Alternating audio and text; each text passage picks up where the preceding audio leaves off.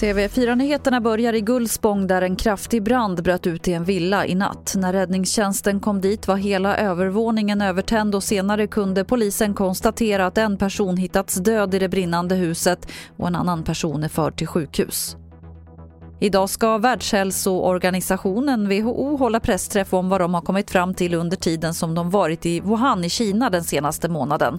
Där har de försökt ta reda på coronavirusets ursprung.